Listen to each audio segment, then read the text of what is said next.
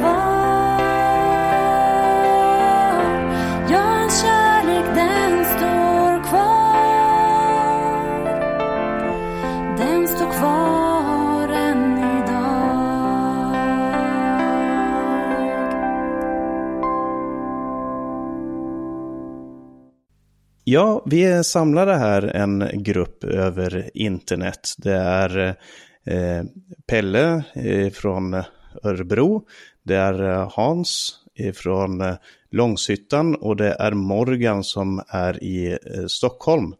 Eh, och så är det jag, Paulus Eliasson, jag är i Rumänien just nu. Och vi är lite utspridda över landet och vi har en interaktiv studio här som är, fungerar väldigt bra i coronatider. Eh, och krisen som, som vi har talat om tidigare i Radio Maranata, den har ju nått eh, nya höjder. Här i Rumänien så innebär det bland annat att från och med måndag kväll den eh, 23 så är det eh, förbjudet att gå ut på nattid och det är eh, frånrå man frånråder att man ska gå ut också på dagtid. Det är väldigt eh, strikta regler här i, i Sverige nu. Ni kan ju berätta lite hur, hur är det, nej i Rumänien menade jag. Ni kan ju berätta lite hur det är i Sverige, eh, Pelle. Ja, här eh, har det ju inte varit lika drastiska åtgärder kanske som ute i Europa. Eh, det har inte varit samma eh, neddragningar med utegångsförbud och och så här. Och men vi får se ikväll här 21.15 så ska ju statsministern ge en, en vad heter det, sån här intervju eller tala till nationen. Så vi får se om det kommer några nya påbud här ikväll. Ja. Vad säger du Hans, hur upplever du situationen? Jo, det är ju så att man får ju varje dag liksom så får man ju höra rapporter, inte bara eh, som gäller ens eget land och vårt land utan från andra länder och man är ju väldigt intresserad också då naturligtvis. Eftersom vi har drabbats av detsamma som andra och eh, liksom följa med även vad som sker i andra länder. Eh, och det, det här alltså att eh, myndigheterna, att regeringen går ut var och varannan dag, det, det var ju väldigt då alltså allvarlig med att följa med vad, vad som sker och även i debatter över sociala media. Det, eh, det är ganska så dramatiskt ibland. Eh, vi har en statsepidemiolog som tydligen inte vad heter det, riktigt orkar med sista, eh, sista pressbriefingen. Hans, hans överordnade tog honom i försvar mot en våg av kritik som hade drabbat honom. Mm. Ja, just det. Eh, Morgan, har du någon eh, kommentar därifrån du sitter? Ja, eh, här i Stockholm, jag, ja, jag har ju mer min eh, personliga eh, erfarenhet eh, just här i, i Stockholmsområdet. Jag jobbar ju som fastighetsskötare eh, Eh, uppe i Täby. Men eh, jag kan inte säga att jag, jag är förvånad hur lite jag märker av den här situationen som är. det kan ju kännas nästan som att det rasar eh, överallt när man läser i media. Men, eh, men, eh, men det är ju väl också så att här i, i, Sverige så har vi inte tagit de riktigt drastiska åtgärderna som man har gjort i många andra länder. Och därför så märker man inte av det så jättemycket. Kanske lite mindre trafik eh, till och från jobbet. Men eh, annars är det ganska eh, som, som vanligt. sådär, ja. skulle jag säga. Ja, nej, men det, det, är intressant för att här i Rumänien så är det absolut ingenting som är som vanligt. Det är inga restauranger, eh, barer, eh, alla platser. Man får inte samlas mer än tre personer ens utomhus. Det är, det är otroligt strikt. Eh, men egentligen så är det inte det, är inte det vi ska tala om eh, den här eh, eftermiddagen, utan det som vi har på, som vi anser som angeläget under en sån här tid när, när människor upplever att saker och ting rasar omkring en, det som vi som kristna upplever som väldigt angeläget, det är att vända sig till Gud i bön. Det är många som har talat om bön och, och det är många som vittnar om att eh, i de krisdrabbade områdena så vänder sig människor till Gud i bön under sådana här tider. Och därför så är ämnet för den här, den här sändningen handlar just om bönen. Och vi ska ställa några frågor eh, som handlar om bön och försöka samtala om det här, eh, peka lite på vad Bibeln säger och eh, ge några tankar omkring det. Ehm, och den första frågan som, som jag skulle vilja ställa det är den här, eh, varför ska man överhuvudtaget be till Gud om Gud vet allt? Vi talar om att Gud är allvetande, han är eh, omnipotent, han har all makt, han är allsmäktig. Och Gud är också en god Gud. Och i så fall så skulle man ju tycka att eh, man behöver inte be till Gud. Man behöver inte tala om för Gud vad han ska göra. Eh, och är det någon av er som, som har en kommentar? Vad skulle ni vilja säga som första tanke? Varför ska man överhuvudtaget behöva be till Gud? Hans, har du en tanke där? Ja, men det är ju helt eh, korrekt fråga. Varför ska man behöva göra det? Det har verkligen människor inte gjort alla gånger och i alla tider. Det står i Bibeln att eh, när Seth föddes, det, då började man åkalla Herrens namn. Mm. Det, det var alltså eh, någonting som liksom väcktes till liv. Det här är väl också vad som sker i historien och i, eh, om man säger, eh, i, i, i den, och det väckelsekristendomen, om vi försöker hålla oss något sånär orienterade i den riktningen då. Så det här att människor vaknar över att det finns ju det finns ju en skapare det, och, vi, och vi människor, vi borde ju på något sätt förhålla oss till honom. Tänk om vi kan rent av åkalla honom, åkalla honom, söka honom och aktivt tilltala honom. Mm. Jag, jag la märke till, jag, jag skriver upp tre bibelord här som jag tänker, för att eh, som jag ser det så handlar inte bön så mycket om att tala om för Gud vad han ska göra, utan det handlar om att kommunicera med Gud, att, att eh, ta ett samtal med Gud eh, oavsett vad som är eh, resultatet av den kommunikationen. Jag läste till exempel i första Samuels bok kapitel 1, där eh, står det om, om en kvinna som heter Hanna som kommer till Guds tabernakel, den här platsen där Gud mötte människorna. Och hon är i bön utanför det här tabernaklet och hon, hon ber så intensivt så att översteprästen tror att hon är full och går bort för att skjuta bort henne för att få henne att lämna platsen. Och då säger, svarar hon när hon får det här tillsägelsen, kom dig bort, du är full. Så säger hon, nej min herre, svarade Hanna, jag är en hårt prövad kvinna, vin och starka drycker har jag inte druckit, men jag utgöt min själ för Herren. Eh, och det tror jag är en av de här eh, varför ska man be? Jo, för att man vill utgjuta sin själ för Herren, den enda som, som verkligen förstår, den enda som verkligen vet vad det är för smärta som en människa bär på. För honom vill jag gjuta ut min själ. Det är en sak att berätta, vad, berätta för Gud vad jag har på mitt hjärta. När inga andra människor förstår, när inga andra människor vill höra. Hanna var en person som hade det svårt och kanske inte hade någon som hon kunde prata med. Och hon kunde utgjuta sin själ för Herren. Och sen läste jag i psalm 27, eh, i den åttonde versen. Där står det så här, eh, säger psalmisten, mitt hjärta tänker på ditt ord. Sök mitt ansikte, det är alltså ett citat ifrån Gud, sök mitt ansikte. Och då säger psalmisten, ditt ansikte Herre söker jag. Eh, alltså eh, David som har skrivit den här psalmen, han, han svarar på uppmaningen sök mitt ansikte med att säga jag vill söka ditt ansikte. Och det, det gör man verkligen när man, när man ber. Man, man söker att komma in i Herrens närhet. Precis som man, därför att man älskar Herren så söker man att komma nära honom. Och sen så en tredje sak som jag tänkte på, det är Jesus själv som, som säger i Johannes evangelium 16 kapitel, så står det där, eh, den dagen kommer ni inte att fråga mig om något, jag säger er sanningen, vad ni ber Fadern om i mitt namn, det ska han ge er. Hittills har ni inte bett om något i mitt namn.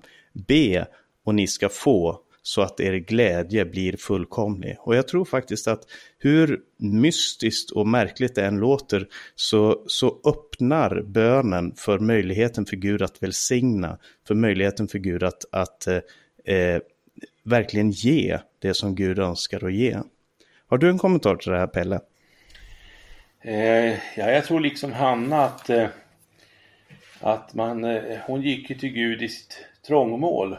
Och jag tror att eh, eh, det är lätt för människan i den situationen, eller lättare att gå till Gud kanske än att gå faktiskt till, till eh, ja, sina vänner, sina släktingar. För man kanske inte vill utgjuta det här man har på sitt hjärta för någon annan människa. Men att man känner att man kan göra det för för Gud. Och mm. Gud har ju lagt på något sätt evigheten i människans hjärta. Så det, när man vänder sig till Gud så, så blir det naturligt i den situationen man gör det. Att, att eh, ha den här gemenskapen med Gud och samtala med Gud. Det kanske ser lite eh, ter sig märkligt för människor som inte tror men när man väl har tagit det steget trosteget och börja be till Gud så blir det väldigt naturligt för att den kontakten eh, söker ju Gud med människan.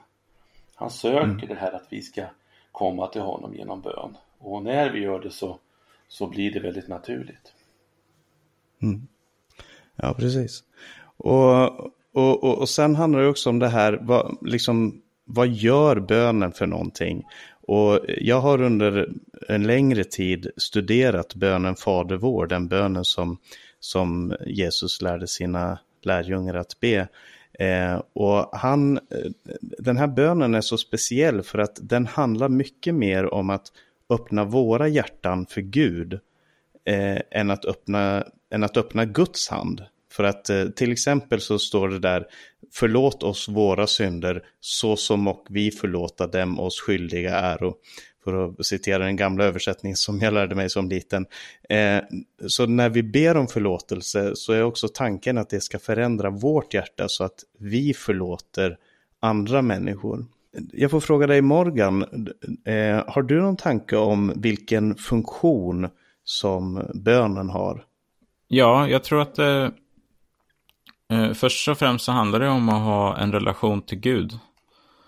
Och det är där att vi, det här att vi söker honom, att vi visar att vi, vi eh, vill ha kontakt med honom, som vi har sagt här innan också. Eh, mm. och, och att ge Gud en, liksom en, en möjlighet och, och ge honom tillstånd att verka i våra liv, så att säga. Så, så kan jag tänka är en, ett sätt att se på det. Ja, ja, ja, ja, ja nej men, eh, jag tänkte också på någonting som står i Romarbrevet 15. Eh, där står det så här eh, i den 30 versen. Jag uppmanar er bröder för vår Herre Jesu Kristi skull och för den kärlek som anden ger att kämpa tillsammans med mig genom att be till Gud för mig. Be att jag blir räddad från de i Judeen som inte tror och att hjälpen jag har med mig till Jerusalem blir väl mottagen av de heliga. Här eh, säger han att eh, bönen är en, en kamp, att det är eh, som en kamp där det finns makter som liksom vill, vill förstöra, som, som vill att man ska, att man eh, Eh, att Guds folk ska bli eh, passiviserade. Och, och, jag tror att bönen också handlar om, precis, precis som du sa Morgan, så handlar det om att, att öppna sig själv för Gud, att öppna upp sina hjärtan för Gud. Men det handlar, och så handlar det om att kämpa tillsammans med Gud mot ondskan. Eh, jag vet inte vad, vad ni andra säger, Pelle och Hans, vad, vad säger ni om det här? Kan man bidra till den här kampen emot ondskans makter i bön? Vad säger ni? Ja, du, du utgick ifrån eh, bönen Fader vår. Mm. Och det är ju verkligen ett led i den bönen, tydligt och klart formulerat. Fräls oss ifrån ondo. Ja. Mm. Och men jag tänker på bönen Fader vår så har jag också en del andra infallsvinklar där. Men det är naturligtvis eh, eh för att bara, bara, svara på din fråga. Na, naturligtvis är det ju vad bön mycket handlar om. Att kämpa och kämpa tillsammans med Gud liksom, mot det onda. Mm. Eh, de, dela gärna dina tankar om, om du hade någonting mer om, om eh, bönen Fader vår där. När, gärna... när det gäller bönen Fader vår så är det ju ganska intressant att eh, Jesus liksom lär ju lärjungarna denna bön som en, med en markering liksom mot det som han kallar för skrymtarens bön eller skrymtarnas bön. Han säger så här i Matteus evangeliets sjätte kapitel och i vers 7 där, men i era böner ska ni icke hopa tomma ord, så som hedningarna, vilka menar att de ska bli bönhörda för sina många ords skull. Och det här överensstämmer ju med ett ord också i Gamla Testamentet.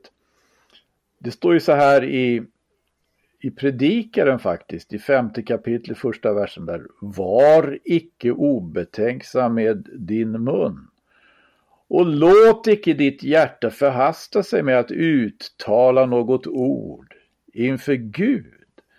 Gud är ju i himmelen och du är på jorden. Låt därför dina ord vara få. Precis samma tanke här. Och det går alltså eh, att när man beder ska man tydligen helst använda inte så många ord, men de ord man använder ska vara innehållsrika. Kärnfulla om man säger så. Och är det det Jesus har givit oss ett exempel på i bönen Fader vår, det tror jag. Mm. Ja, precis. Ja, jag, jag, får säga för min egen del, jag, jag fick eh, för något år sedan så lyssnade jag på eh, undervisning om bönen Fader vår. Och jag har liksom alltid sett på den som, ja där Jesus eh, sa att man, att man skulle ha det här liksom som en utgångspunkt för sin bön. Men jag har börjat be bönen Fader vår personligen i min, i min tid i tillbedjan. Och, och, varje gång jag ber den så, så slår det mig, om inte nya ting så i alla fall så kommer det tankar omkring Guds rike, om det som, om Guds vilja, om förlåtelse, om det dagliga, det, det, dagliga brödet och alla de här delarna kommer liksom tillbaka och kampen mot ondskan och, och allt det här. Eh, det är verkligen sättet som Jesus lärde sina lärjungar att be på, det är så väldigt olika mot eh, eh mot hur människor ofta tänker om bön. Och det tänkte jag också att man kunde säga, att vi skulle säga någonting om här, för att eh, bönen i, i den kristna tron, den skiljer sig en del ifrån eh, hur man tänker som religiös. Eh, både i andra religioner men också väldigt många kristna som tänker på ett, på ett eh, religiöst sätt, om man, får, om man får säga det så. Dels det som Hans nämnde här om i Matteus kapitel 6 där, där Jesus säger att du ska inte rabbla tomma ord, ni ska inte vara som hycklarna. Han, han nämner två olika grupper, det är dels hycklarna som älskar att stå och be eh, för att synas inför människor. Och där säger Jesus, de har fått ut sin lön, men när du ber ska du gå in i din kammare, stänga din dörr, be till din far som är i det fördolda. Då ska din far som ser i det fördolda belöna dig. Det är liksom, det är hycklarna, de som ber till Gud, men egentligen visar upp sig för människor. Och det andra är det som Hans nämnde här om, när ni ber så ska ni inte rabbla tomma ord som hedningarna. De tänker att de ska bli bönhörda för sina många ords skull. Och det där är ju väldigt vanligt inom olika religioner, att man ska be mycket. Eh, I Rumänien så har man den här eh, praxisen inom den ortodoxa kyrkan att man ska tända ljus till exempel för de döda. Och då sägs det att man ska köpa ljusen där i kyrkan för att man ska betala då till kyrkan. Och sen så ska man tända ljus antingen för levande eller döda. Det är oftast två olika ställen som man sätter ner de här ljusen. Eh, och, och, och sen Eh, så länge det här ljuset brinner så är det en bön som sänds för den, för det kan vara en sjuk person men ofta så är det för döda människor. Och, och det här är ju helt uppenbart en obiblisk tanke att, att, eh, ja, det, att tända ljus och sånt, att det ska vara representanter för en bön, det, det är någonting helt främmande för Bibeln. Men, men också det här att bön skulle vara meriterande för frälsning att bönen liksom skulle leda till någon frälsning. Det är en väldigt obiblisk tanke. Eh, Jakob till exempel säger i sitt fjärde brev, ni ber, men ni får inget därför att ni ber illa för att slösa bort det på era egna njutningar. Alltså är det uppenbart att det är inte bönen i sig själv som är eh, det som verkar, det som, det som eh, öppnar Guds hand om du vill, eller det som förändrar saker och ting, utan det, det är det hjärta som ligger bakom den här bönen. Bönen är inte ett sakrament som fungerar oberoende av, vår, av, vad vi tycker och tänker, utan bönen är, är någonting som, som eh, ska förändra oss och, och det är någonting som handlar om en kommunikation mellan människa och Gud. Hans? Ja, Bibeln, Bibeln är ju full av exempel egentligen på olika slags bön, olika sätt att bedja. När, när, när, när Johannes döparen kom, då kom ju ett himmelskt sändebud, en Guds representant, en profet. Och när Jesus kom, då kom Guds son. Och Jesus själv talar ju om att människor har ett sätt att uppträda på inför deras framträdande. Det står i Matteusevangeliets elfte kapitel. Det är också ett sätt kanske alltså, att bedja på. Men vi ser något typiskt här i Matteus 11 och vers 16 där Jesus säger så. Men vad ska jag likna detta släkte vid? Det är likt barn som sitter på torgen och ropar till andra barn och säga vi har spelat för er och ni har icke dansat. Vi har sjungit sorgesång och ni har icke jämrat er. Till Johannes kom, och så talar han om sig då och Johannes döparen. Alltså, eh, jorden vill liksom sätta himmelen i knipa på något vis. Himmelen erbjuder sig att, och, och, och, att handla. Men jorden vill hellre att himlen liksom fångas och tvingas att handla. Och det, det, här är någonting också, i, man säger, det här är typiskt religiöst. Du, du nämnde om den här kyrkliga sedvänjorna och så vidare. Men alltså vi, det, det, är just det här alltså att vi lär känna en levande Gud. Och han, och vi ska, vi ska bedja till honom, ske, ske din vilja. Och då måste vi vara beredda att liksom eh, att böja oss och inte begära att alla våra liksom vansinniga idéer i, ibland ska på något sätt hörsammas av himmelens Gud. Eh, Pelle, varsågod. Ja, jag tänkte på det här med bönen, alltså religionens bön kontra den frälstes bön. Och vi har ju ett exempel i, när vi läser om Paulus omvändelse. Så ser vi hur Jesus eh, eh, ger uppdraget till Ananias att gå till Paulus och han säger att han, han får uppdraget att gå till det huset ty, ty se han beder, säger Jesus om mm. Paulus. Mm. Och man kan nästan tycka att det är väl inget märkligt att Paulus bad. Han hade väl bett hela sitt liv. Han var ju farisé och skriftlärd och han hade väl bett enligt judarnas sedvänjor sedan han var barn. Men här säger Jesus, ty se han beder. Och det var en, en omvänd Paulus som bad, det var en frälst Paulus som bad. Och då var det också en väldig skillnad på bönen. Och eh, jag tänkte också på det sammanhanget att, att innan Jesus eh, ger den här eh, exemplet på Fader vår i versen innan då i Lukas 11 så står det att en av hans lärjungar eh, säger till honom Herre, lär oss bedja lär oss bedja. Och även dessa lärjungar hade ju växt upp i, i den judiska religionen. De hade också förmodligen bett i hela sitt liv. Eh, men här, här går de till Jesus och lär oss bedja. Och Jesus sa ju att be och eder ska vara givet. Och det handlar ju inte om någon religiös formel eller någon religiös eh, liksom eh, så att säga eh, ritual som, som Jesus eh, säger här utan att, att, att här handlar det om hjärtats bön, den frälstes bön som vänder sig till Gud. Och den bönen, den, den svarar han på. Mm. Amen. Så frågar dig Morgan om du har en kommentar på det här innan vi går vidare till, till eh, nästa fråga här. Ja, jag tänkte på det här när du sa, det är lätt att man kan hamna i det där sakramentala.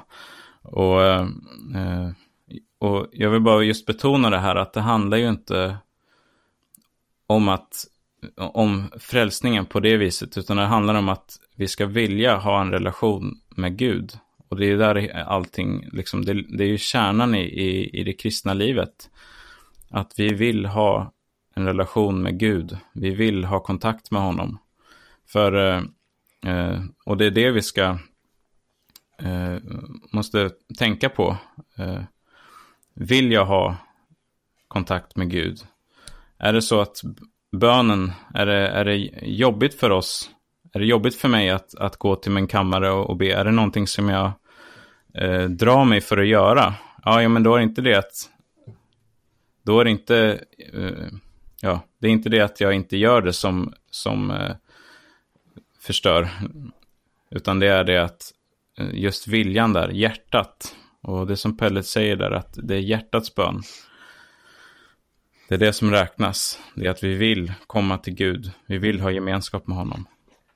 Ja, då tackar jag dig Morgan Lindros för, för de orden och vi ska strax lyssna till en sång här också. Jag ska bara säga att du lyssnar till Radio Maranata som sänder över Stockholm närradio, Örebro närradio och Göteborgs närradio. Om du som jag inte befinner dig på någon av de tre platserna så har du också möjlighet att ladda ner det som podcast. Om du har en iPhone med podcast-app, om du har en Android-telefon med, eh, med Acast eller någon annan podcast-app så kolla om du kan få ner eh, Radio Maranata där också. Eh, vi ska lyssna till en sång här, varsågoda.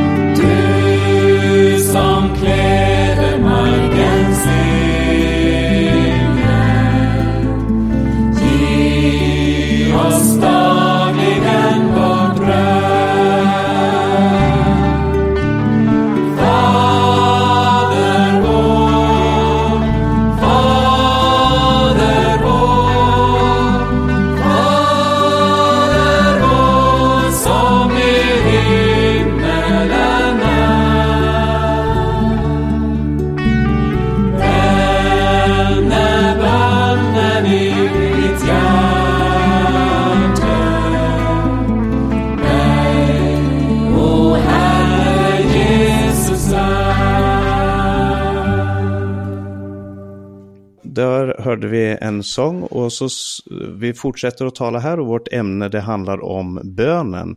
Och nu ska vi tala lite om hur Jesus och hans lärjungar praktiserade vad för slags böneliv de hade. Hans Lindelöf, varsågod. Det, det var ju ett, ett mycket intressant bön, böneliv därför att eh, varje gång som lärjungarna ställde en fråga till Jesus då var ju det ett sätt att bedja, till, till, bedja på. För de ställde ju inte frågan till vem som helst. De ställde frågan till Guds son. Men eh, de levde också samtidigt under ett väldigt tryck och det fanns väldiga förväntningar. Eh, Johannes döparen var på sätt och vis en befrielse men hans lärjungar var lite, eh, lite sådär kinkiga med hur Jesus och hans lärjungar liksom höll på sederna och att de inte fastade och det gjorde ju både Johannes lärjungar och fariseerna och Jesus fick reda ut saker och ting. Men man kan väl definitivt eh, säga det att om, om det handlar om bön om, som vad bönen, om man säger, hur den uppfattades och hur den praktiserades av Jesus och hans lärjungar. Då är det ju, då är det ju, då är det ju mästarens egen undervisning om bönen som eh, är vägledande och som kan ge oss så att säga ganska eh, ja, väsentliga begrepp om den här frågan. Och då tycker jag det är en sak som är väldigt eh, spännande på ett sätt och, och, och, och, och märklig. Därför att Jesus undervisar ju tydligt och klart lärjungarna om bönen i liknelser. Enligt Lukas så finns det några liknelser och, och eh, där, där Jesus eh, liksom eh, tecknar bilden av vad en bedjare är och eh, hur, hur eh, det är till exempel så i Lukas evangeliets elfte kapitel, där finns det en liknelse. Eh, han säger så här i vers 5 där, om någon av er har en vän och mitt i natten kommer till den och säger till honom, käre vän, låna mig tre bröd. Ty en av mina vänner har kommit resande till mig och jag har inget att sätta fram åt honom. Då svarar kanske den andre inifrån huset och säger gör mig icke omak, dörren är redan stängd och både jag och mina barn har gått till sängs. Jag kan icke stå upp och ge dig något, men jag säger er, om han än icke av det skälet att han är hans vän vill stå upp och ge honom något så kommer han likväl därför att den andre är så påträngande att stå upp och ge honom så mycket han behöver.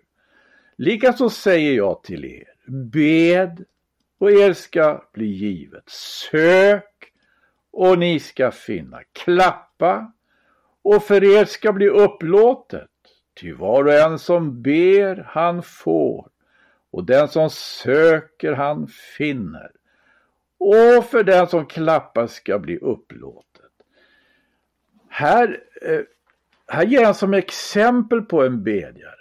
Och som de, som jag förstår, ska uppfattas som ett, ett, ett eh, alltså en, en, en slags förebild. En besvärlig person.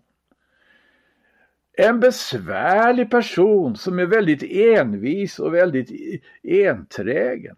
Är, ska liksom vara ett exempel.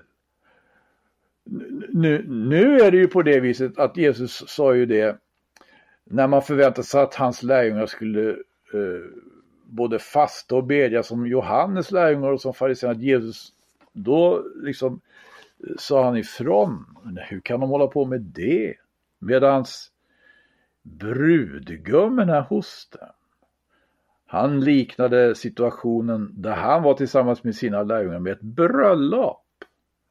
Ja, det pågick ett bröllop, hur kan ni komma med sådana här krav? Men här, eh, han säger också det, den tid ska komma då brudgummen tas ifrån dem och på den tiden ska det fasta. Vara kanske mer ihärdiga och också i sina böner, mer envisna. Eh, eh, eh vågar jag säga mer besvär. Men vad är det för förebild? Men till yttermera visso, Jesus kommer med ytterligare en liknelse. Så den här liksom ihärdiga, besvärliga bedjaren eh, lyfts fram och det är ju i samma evangeliums 18 kapitel. Om jag får läsa den här liknelsen också. Det står, han säger så här i Lukas 18, vers 2. I en stad fanns en domare som icke fruktade Gud och ej heller hade försyn för någon människa. I samma stad fanns och en änka som åter och åter kom till honom och sa skaffa mig rätt av min motpart. Till en tid ville han icke, men omsider sa han vid sig själv, det må nu vara att jag icke fruktar Gud och ej heller har försyn för någon människa. Likväl eftersom denna änka är mig så besvärlig, hörni, så besvärlig, vill jag ändå skaffa henne rätt, för att hon icke med sina ideliga besök ska alldeles pina ut mig. Och Herren tillade, hör vad den orättfärdige domaren här säger, skulle då Gud icke skaffa rätt åt sina utval så ropa till honom dag och natt. Och skulle han icke ha tålamod med dem? Och då undrar jag vad, vad ser då Gud hos den här besvärliga och ihärdig och envise bedjaren? Jag slutar med den, med den frågan. Ja. ja, men det är fantastiskt att vara en besvärlig, en ihärdig person. Man kanske känner det, förhoppning, förhoppningsvis så känner man det att man är besvärlig när man stadig, ständigt och ideligen kommer tillbaka till, till Gud med, med, med det som man har på sitt hjärta. Eh, för min egen del så skulle jag önska att jag, att jag var mer besvärlig i mitt böneliv. Det känns mer som att man är en, en eh, eh, kärkommen, eller sällan eh, gäst som dyker upp ibland. Men det är det här som är idealet verkligen, att man ska, att man ska bestorma tronen. Jag tänkte på någonting som eh, står i Markus kapitel 1. Eh, I Markus evangelium, där, där är liksom eh, Jesus presenteras i en rasande fart i kapitel 1. Först så är det hans dop, sen så är det hans frestelse i öknen, så står det att han undervisade, så står det att han drev ut andar, så står det att han helade sjuka. Det här, det här kommer liksom som på ett löpande band, alla de här olika sakerna. Det är liksom en Kristuspresentation. Strax, strax, strax, ja. strax. Ja, precis. Det är det som är Marcus eh, signum och säga strax kom det strax skedde det, strax skedde det. Och, och, och sen eh, redan i vers 35 så kommer första gången som Jesus ber. Eh, och då står det, för hela kvällen, det står i vers 32, står det på kvällen när solen hade gått ner kom man till honom med alla som var sjuka besatta. Hela staden var samlad utanför dörren. Eh, tydligen så, så sov inte Jesus eh, lika mycket som jag för att när solen hade gått ner så, så, eh, så be, helade han sjuka och så står det i vers 35 tidigt på morgonen medan det ännu var mörkt steg Jesus upp och gick ut till en enslig plats och bad där. Han, han, det här bönelivet, det var viktigare än någonting annat för, för Jesus också. Han bad mycket, det står ofta att Jesus bad. Det står att han gick till en avskild plats. Eh, det, det, står att han, han bad både mycket och ofta. Men självklart de här bönerna som finns, det är inte, det är inte några tomma böner, det är inte några eh, upprepande böner. Det är, det är eh, böner som är levande. Om man läser till exempel Johannes 17, eh, den det som kallas för den överprästliga bönen, eller bönen i Getsemane, eller den bönen som Jesus lärde sina lärjungar att be. Den, eh, eh, det, det, visar att eh, Jesus verkligen är vårt exempel. Och precis som Pelle sa, jag ska strax be dig Pelle komma in och få en kommentar här, men Pelle nämnde det här i Lukas kapitel 11 om att Jesus hade ett så smittande böneliv. Så det var liksom en naturlig del av livet. Att han, att han eh, Jesus eh, eh, samtalade med sin fader. Har du någonting att säga till det här Pelle? Varsågod. Ja, eh, som du sa där så, så bad ju Jesus eh, väldigt mycket. Han bad innan han gjorde under. Han bad efter att han hade gjort under. Han drog sig undan för att be. Och eh, eh Jesus har ju överlämnat uppdraget till oss. Och han säger i Johannes 9.4 så står det så här Medan dagen varar måste vi göra dens gärningar som har sänt mig. Natten kommer då ingen kan verka. Och om Jesus hade det här behovet att be så är ju vårat behov desto större egentligen. Och för att klara av att gå ut och göra de här gärningarna Eh, som han har befallt oss att göra, gå ut med evangelium, så behöver vi ha den här bönen. Vi behöver att, att eh, i Jakobs brev står det ju nalkas Gud så ska han nalkas er.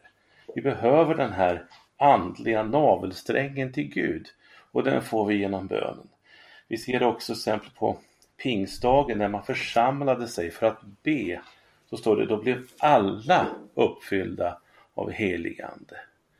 Och jag tror att de flesta som har blivit andedöpta kan vittna om detta, att, att det skedde under bön. I bönen så, så sker eh, utrustning, ut, eh, så får vi vår utrustning. Och därför så är det viktigt att vi, att vi kommer till Gud på det sättet, att vi kommer i, i, i ödmjukhet och att vi, vi, vi kommer på knä inför honom. Och utbeder, och det står till och med att vi kan utbedja oss om vishet. Ja, precis. Ja, jag, jag, ska, jag har en fråga till här och jag tänkte jag skulle rikta den till Morgan först.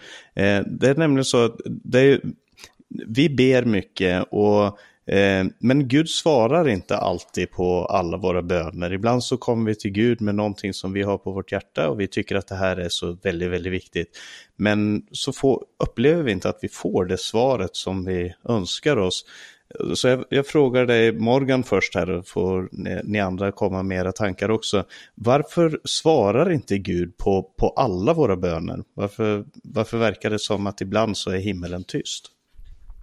Ja, för att eh, då skulle Gud göra saker som gick emot hans vilja. Det handlar om att be mm. om något som är i Guds vilja. Något eh, som han, han vill ska ske och som är i enlighet med hans plan. Och det är, det är också som eh, Jesus ber eh, i, i Getsemane när han ska bli, eh, när han kommer att bli fängslad, så säger han, eh, om du vill så ta den här kalken ifrån mig, men ske icke min vilja utan din. Och det är den bönen vi ska ha. Vi, vi kan be om någonting som vi önskar, men vi måste också be det här, ske inte min vilja utan din. Det är det viktiga, att Guds vilja får ske. Ja, precis. Jag, jag, tänker på det, jag får fråga dig Hans också, för att i första Johannes 5 och 14 så står det också det här, och den tilliten har vi till honom att om vi ber om något efter hans vilja så hör han oss. Och det är väl den tilliten som vi har. Har, har du någon mer tanke om vad, vad som kan vara anledningen att Gud inte svarar på alla böner? Eh, jag, jag tror att det har att göra just med det här alltså att vi, vi vill gärna styra Gud, vi vill gärna eh, tvinga Gud. Det, det mänskliga, det jordiska sinnet. Och därför så liksom vill vi skapa någon slags, eller hitta någon slags absoluter utanför Gud. Men det gör det finns inga absoluter utanför. Det finns inget så här måste du absolut handla Gud. Gud är absolut. Och eh, det är det vi måste liksom anpassa oss till. Därför säger bönen Fader vår bland annat så här. Ske din vilja. Och Jesus eh, själv personifierar ju detta väl i Getsemane örtagård. Just som som eh, Morgan nämnde om här då han ber Gånge denna kalk ifrån mig, dock icke så som jag vill, utan så som du vill. Ja. Gud är verkligen inte en bönesvarsmaskin, för i så fall så hade Gud bara varit en, en maskin där man lägger in ett visst antal böner och så får man ut eh, det man önskar i den andra änden. Det är, handlar mycket mer om ett personligt förhållande.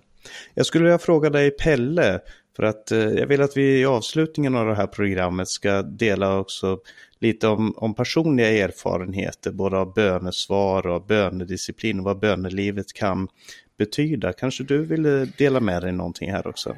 Ja, jag tänkte när jag såg den eh, frågan där eh, så tänkte jag på det här när jag själv eh, kom tillbaka till Herren och fick, fick bli frälst på nytt. Och, och så den tiden innan där så, så det började väldigt mycket med bön. Och jag ska flika in här, jag har svårt att, att samtala om det här utan att flika in det David skriver i psalm 40.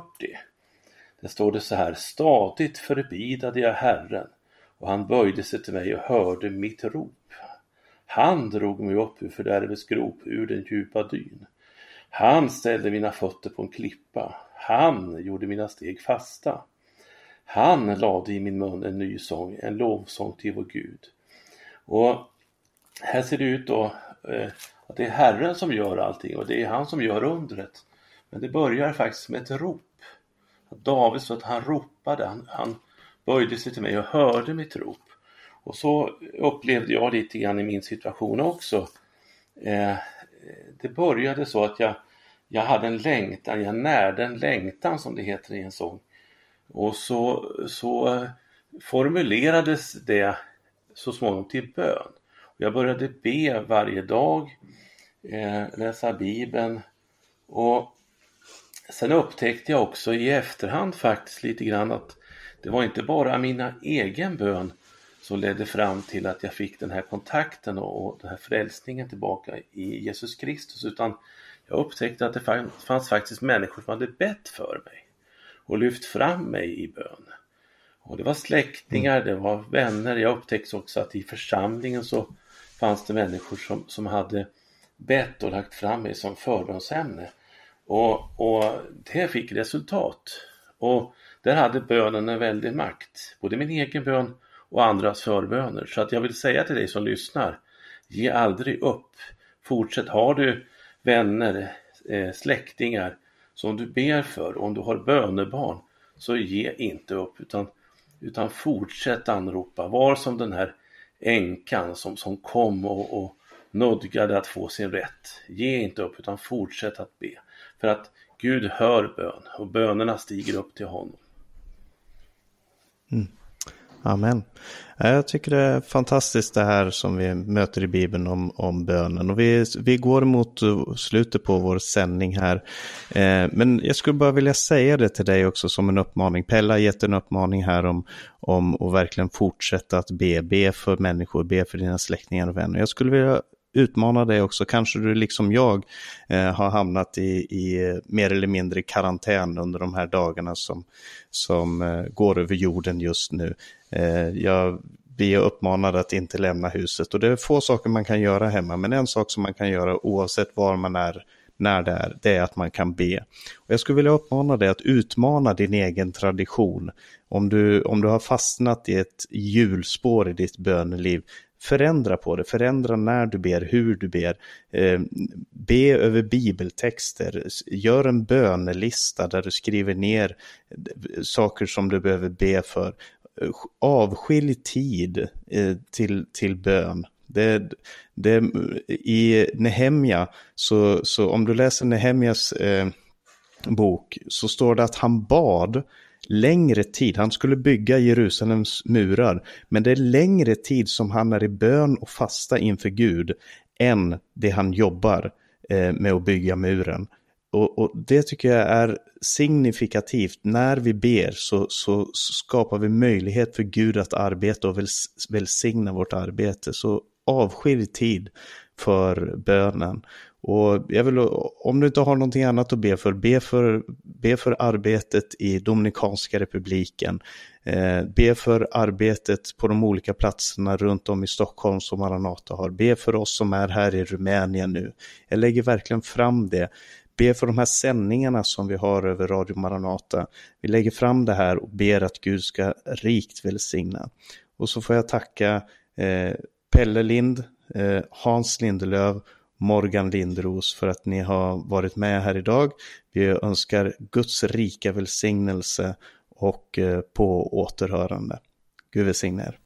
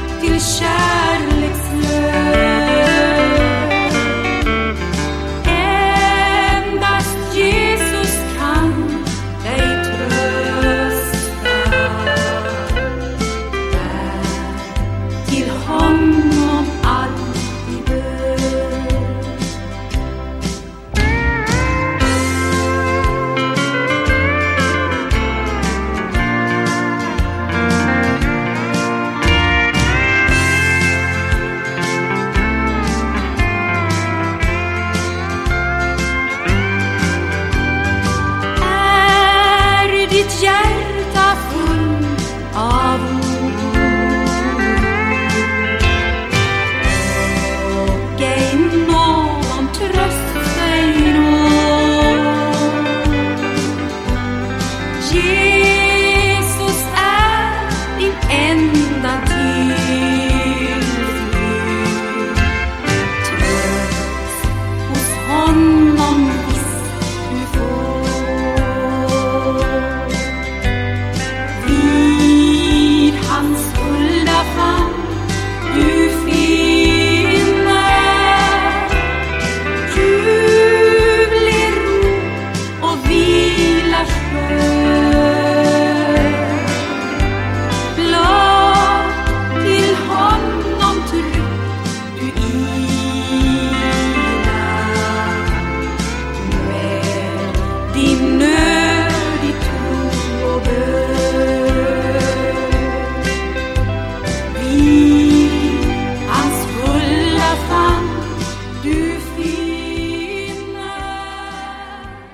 lyssnat på ett program från Radio Maranata.